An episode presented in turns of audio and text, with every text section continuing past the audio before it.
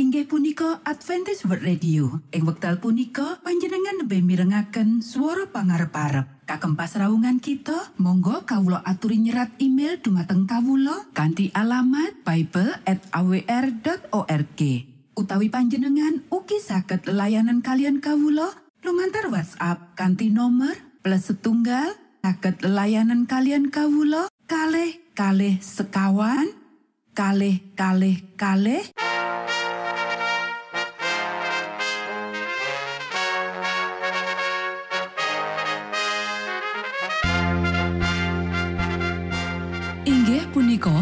Adventist World Radio ingkang giaran kanthi basa Jawi. Tentrem Rahayu kula aturaken kagem para mitra kinasih ing pundi papan lan panggonan. Sugeng pepanggihan malih kalian Adventist World Radio. Kanti bingahing manah Kulo badi sesarengan kalian poro mitra kinasi.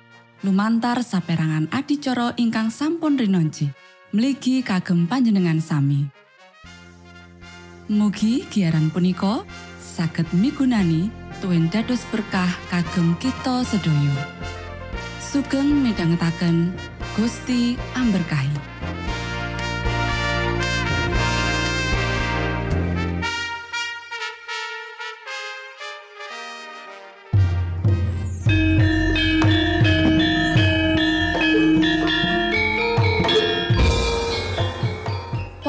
Para pamirsa kinasih ing Gusti Yesus Kristus, ing wekdal punika kita badhe sesarengan ing adicara ruang kesehatan ingkang saestu migunani kagem panjenengan saha kita sami. Tips utawi pitedah ingkang dipun aturaken ing program punika tetales dawuhipun Gusti ingkang dipunnyatakaken ing kitab suci. Semanten ugi sakehing seratan ingkang dipun wangsitaken dening Gusti Allah. Nanging saderengipun, monggo kita sami midhangetaken kidung pujian.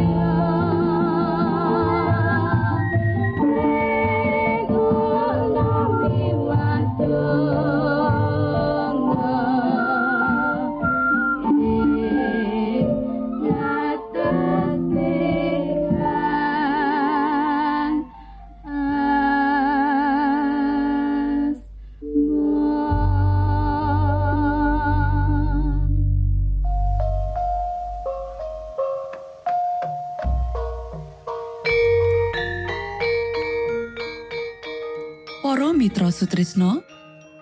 Puji syukur dumateng Gusti ingkang murbeng dumati ingkang sampun kepareng paring wewenngan kagem kita.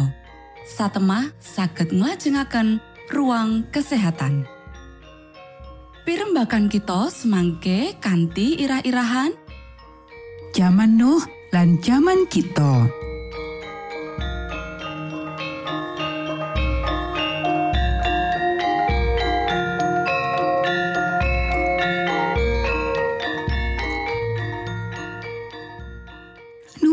Dumateng para pamiarsa ingkang dahat kinormatan, sugeng pepanggihan malih kalian kula Isti Kurnaidi ing adicara ruang kesehatan.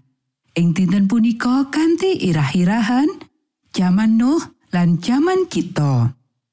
Para sedherek ingkang kinasih, sawetara lenggah ing sandure Bukit Saitun, Gusti Yesus paring pitutuh marang para murid ngenani tondo-tondo sing disiki karawani.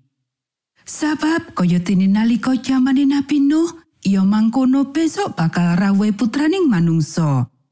Marga padha kaya dek jaman sadurunge banjir patopan, wong-wong padha mangan lan ngombe, omah-omah lan ngomah-omahake, nganti dina anggone Nabi Nuh lumebet ing prau.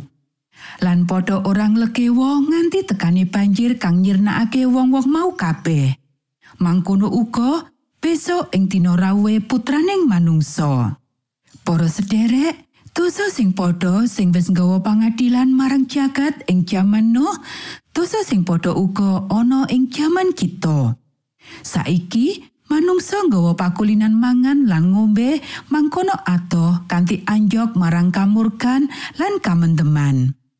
Dosa sing ngombro-ombro iki ya iku dosa pemanjaan selera sing salah. Wis ngopong nepsu daging menungso ing jaman Nuh lan wis nggawa kebosokan sing nyebar. Panganiaya lan dosa wis tekan menyang swarga. Rereget moralitas iki akhirnya disapu saka lumeng jagat nganggo banjir bandang. Dosa kamurkan lan kementeman sing padha nglempohake kepekaane moral penduduk Sodom. Nganti piolo katone dadi kesenengan ing kutha sing jahat iku. Banjur Gusti Yesus maringi piweling marang donya. Uga kaya kang kelakon nalika jamane Lut, wong-wong padha mangan lan ngombe, padha dol tinuku, padha nenandur lan padha yeyoso. Nanging ing dina lungane Lut metu saka ing kutha Sodom, banjur ana udan geni lan udan walirang saka ing langit kang numpes wong kabeh. Iya kaya mangkono, besok ing dina ngatingale putraning manungsa. Para sederek, ing kene Sang Kristus ninggalake sawijining pasinaon sing wigati kanggo kita. Panjenengane kersa maparake ing ngarep kita bebaya sing disebabake dening pamusatan pikiran marang panganan lan ngomben-omben. Panjenengane ngadepake akibat saka selera sing dimanjakake lan ora diwatesi. Kuoso moral diringkehake nganti dosa ora katon maneh ala. Piolo dianggap sepele lan nepsu daging nguasani pikiran nganti prinsip-prinsip sing becik lan ati nurani dicabut lan Gusti Allah dicecamah. Kabeh iki ya iku akibat saka cara mangan lan ngombe sing kakean. Kahanan kaya iki sing dinyatakake Sang Kristus bakal tinemu ana ing karawuhane kang kapindho. Para sederek, Sang Juru Wilujeng ngadepake marang kita samu barang sing luwih dhuwur sing kudu ditindakake. Luwih dhuwur katimbang apa sing kita pangan lan apa sing kita ombe lan apa sing kita enggo.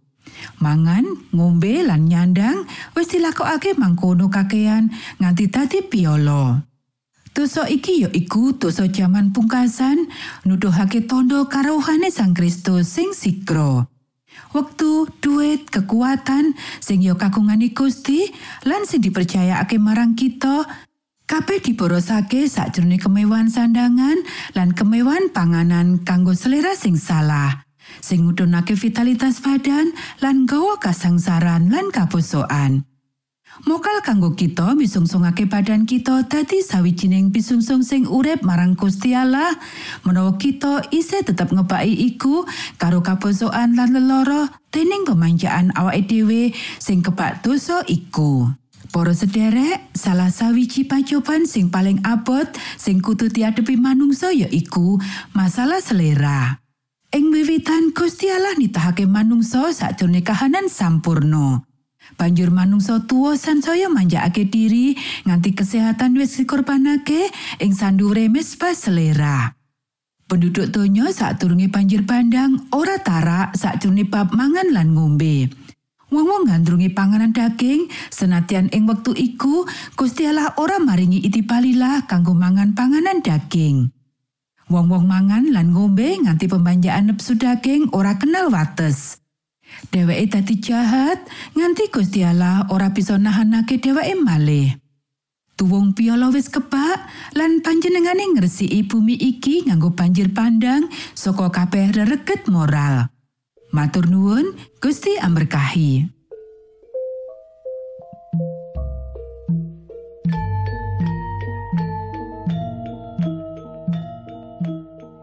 Cekap semanten pimbakan ruang kesehatan ing episode dinten punika. Ugi sampun kuatos jalaran kita badhe pinanggih malih ing episode sak lajengipun.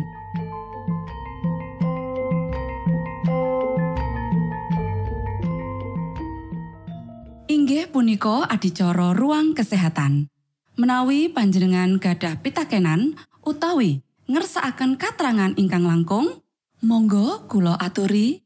Kinton email dateng alamat ejcawr@ gmail.com utawi lumantar WhatsApp kanti nomor 025 pitu 00 songo songo papat 00 pitu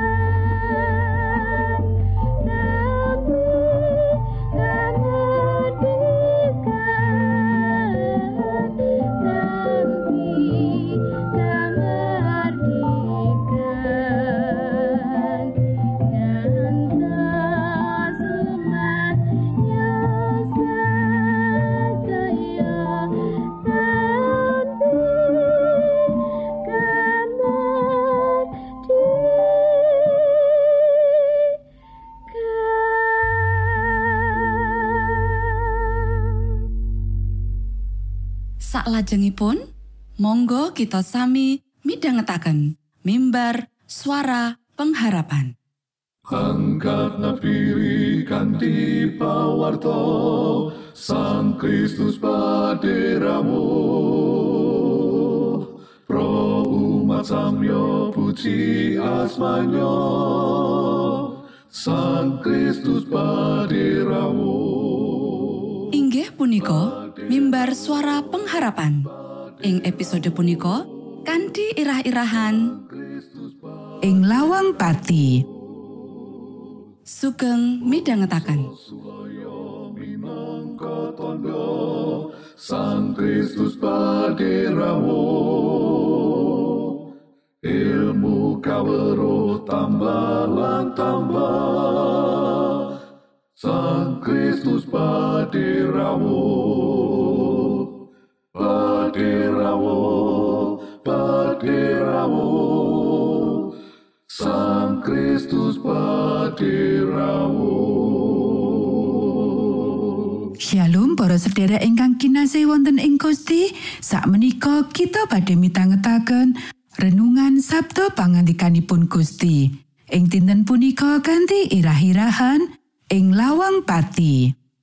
Para sedherek ingkang kinasih ayo diwaca kitab Sabur pasal 88 ayat papat nganti telulas Amargi nyawa kawula tuwa ing kasisahan lan gesang kawula sampun celak kalian jagatipun tiang pecah. Kawula sampun kagolongaken para tiang ingkang mandhap dhateng ing kubur sarta kados tiang ingkang tanpa daya. Kawula kedah amor kalian para tiang pecah kados tiang ingkang sami pecah margi dipun pejahi. Gumledak wonten ing kubur. Ingkang boten paduka engeti malih amargi sampun sami kapedal saking pangwaos paduka. Kawula sampun paduka selehaken wonten ing luwangan kubur ingkang ngandhap piyambak ing salebeting pepeteng ing papan ingkang lebet. Kawula kapethek dening bentering bebendu paduka. Sampun kepiyukan ing muncrating alun paduka sadaya. Pitepangan kawula sadaya sampun sami paduka tepihaken saking kawula. Kawula sampun paduka damel pangewan-ewan kangge tiang-tiang wau. Kawula kinungkung boten saged medal. Mripat kawula ngerong margi nandhang kasangsaran. Duh Yahwa, kawula sampun sesambat dumateng paduka ing satinten muput, sarta sampun ngatungaken tangan kawula dumateng paduka. Paduka punapa badhe nindakaken kaeloan kangge tiang ingkang sami pecah? Arwah punapa badhe tangi saha ngunjukaken panuwun dumateng paduka? Sih kadarman paduka punapa saged kacariosaken wonten ing kubur tuen kasetyan paduka wonten ing paleburan? Kaeloan-kaeloan paduka punapa saged kasumrepan wonten ing palimengan? Tuen keadilan paduka wonten ing nagaripun sadaya kekilapan? Para sedherek ingkang kinasih, Pantungo kanggo kaslametan saka leloro lan pati iki nuduhake menawa para putrani Gusti ora luput saka kasangsaran ing jagat iki. Kitab Syabur nyeritakake kasangsarane juru Mazmur sing ngegirisi. Wus tanpa toya, alam kaya suket, ora bisa mangan, kapisahake karo wong mati, gumletak kadipecah ing kubur, nista kanggo kancane, sengsara lan semplah. balunge nempel ing kulite. Akeh Mazmur nganggep menawa Gusti Allah paring palilah perkara kuwi amarga ora bangun miturute bangsa Israel. Juru Mazmur ngakoni menawa dosa bisa nggawa leloro. Mula piyambake njurungi marang pangapura sadurunge kasarasan. Sabur pasal petang siji ayat papat lan limo. Nanging sawetara sabur kaya sabur pasal wolung wolu lan pasal satu loro ngakoni menawa kasangsaran dudu amarga dosa ing dirine umat Gusti Allah kuwi kasunyatan urip. Senajan angel dimangerteni. Ing sabur pasal wolung wolu Gusti Allah kata wong nggawa juru Mazmur ing jurang pati ayat 6 nganti wolu Ayo dikatekake Sanadyan nalika pasambate kang paling wani kaucapake, pangado kasebut cedha minangka tumindak iman. Amarga menawa Gusti Allah ing panguasane marangake prakara kasebut kadadian, mula panjenengane bisa mulihake karaharjan para putrane. Ing lawangi kubur sang juru Mazmur ngelingi kaelokane Gusti Allah, sih katarmane, kasetiane, lan kabenerane. Sabur pasal wolung ayat 11 nganti telulas. Senatian dosa loro, sang juru Mazmur rumaket marang Gusti Allah. Senaosa nandang sangsara, ora nyilai se katresnane Gusti Allah lan mangerteni menawa Gusti Allah iku siji-sijine kaslametane. Iku nuduhake menawa juru Mazmur mangerteni ora mung kasangsaran nanging uga duwe kawruh sing akrab bab sih rahmate Gusti lan loro-lorone ora kudu lelawanan siji karo liyane.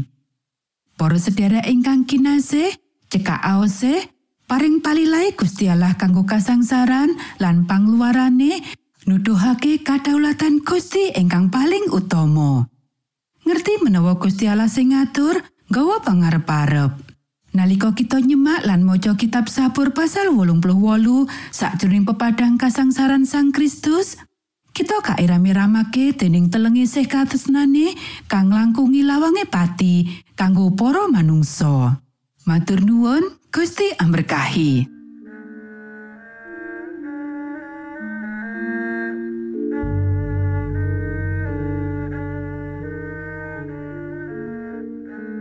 Para Mitra Sutrisno, pamiarsa kinasih ing Gusti Yesus Kristus. Sampun paripurno pasamuan kita ing dinten punika. Menawi panjenengan gadah pitakenan, utawi ngersaakan seri pelajaran Alkitab suara nubuatan? Monggo Kulo aturi kinton email dateng alamat ejcawr@ gmail.com utawi lumantar WhatsApp kanti nomor 025 pitu 00 songo songo papat 00 pitu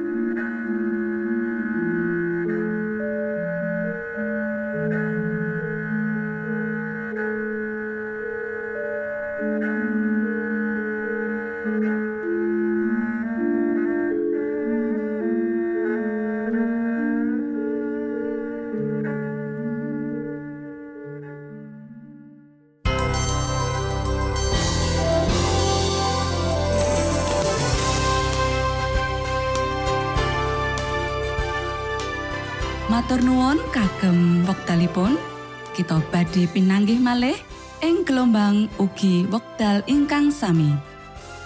Saking studio kula ngaturaken tentrem rahayu.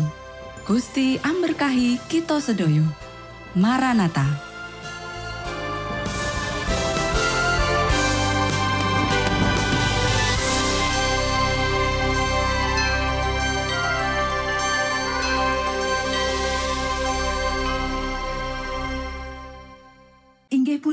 Adventist World Radio. Ing wekdal punika panjenengan lebih mirengaken suara pangarep-arep. Kagem pasraungan kita Monggo Kawulo aturi nyerat email dumateng Kawulo kanti alamat Bible at awr.org utawi panjenengan uki saged layanan kalian Kawulo lumantar WhatsApp kanti nomor plus setunggal saged layanan kalian Kawulo kalh kalh sekawan kalh kalh kalh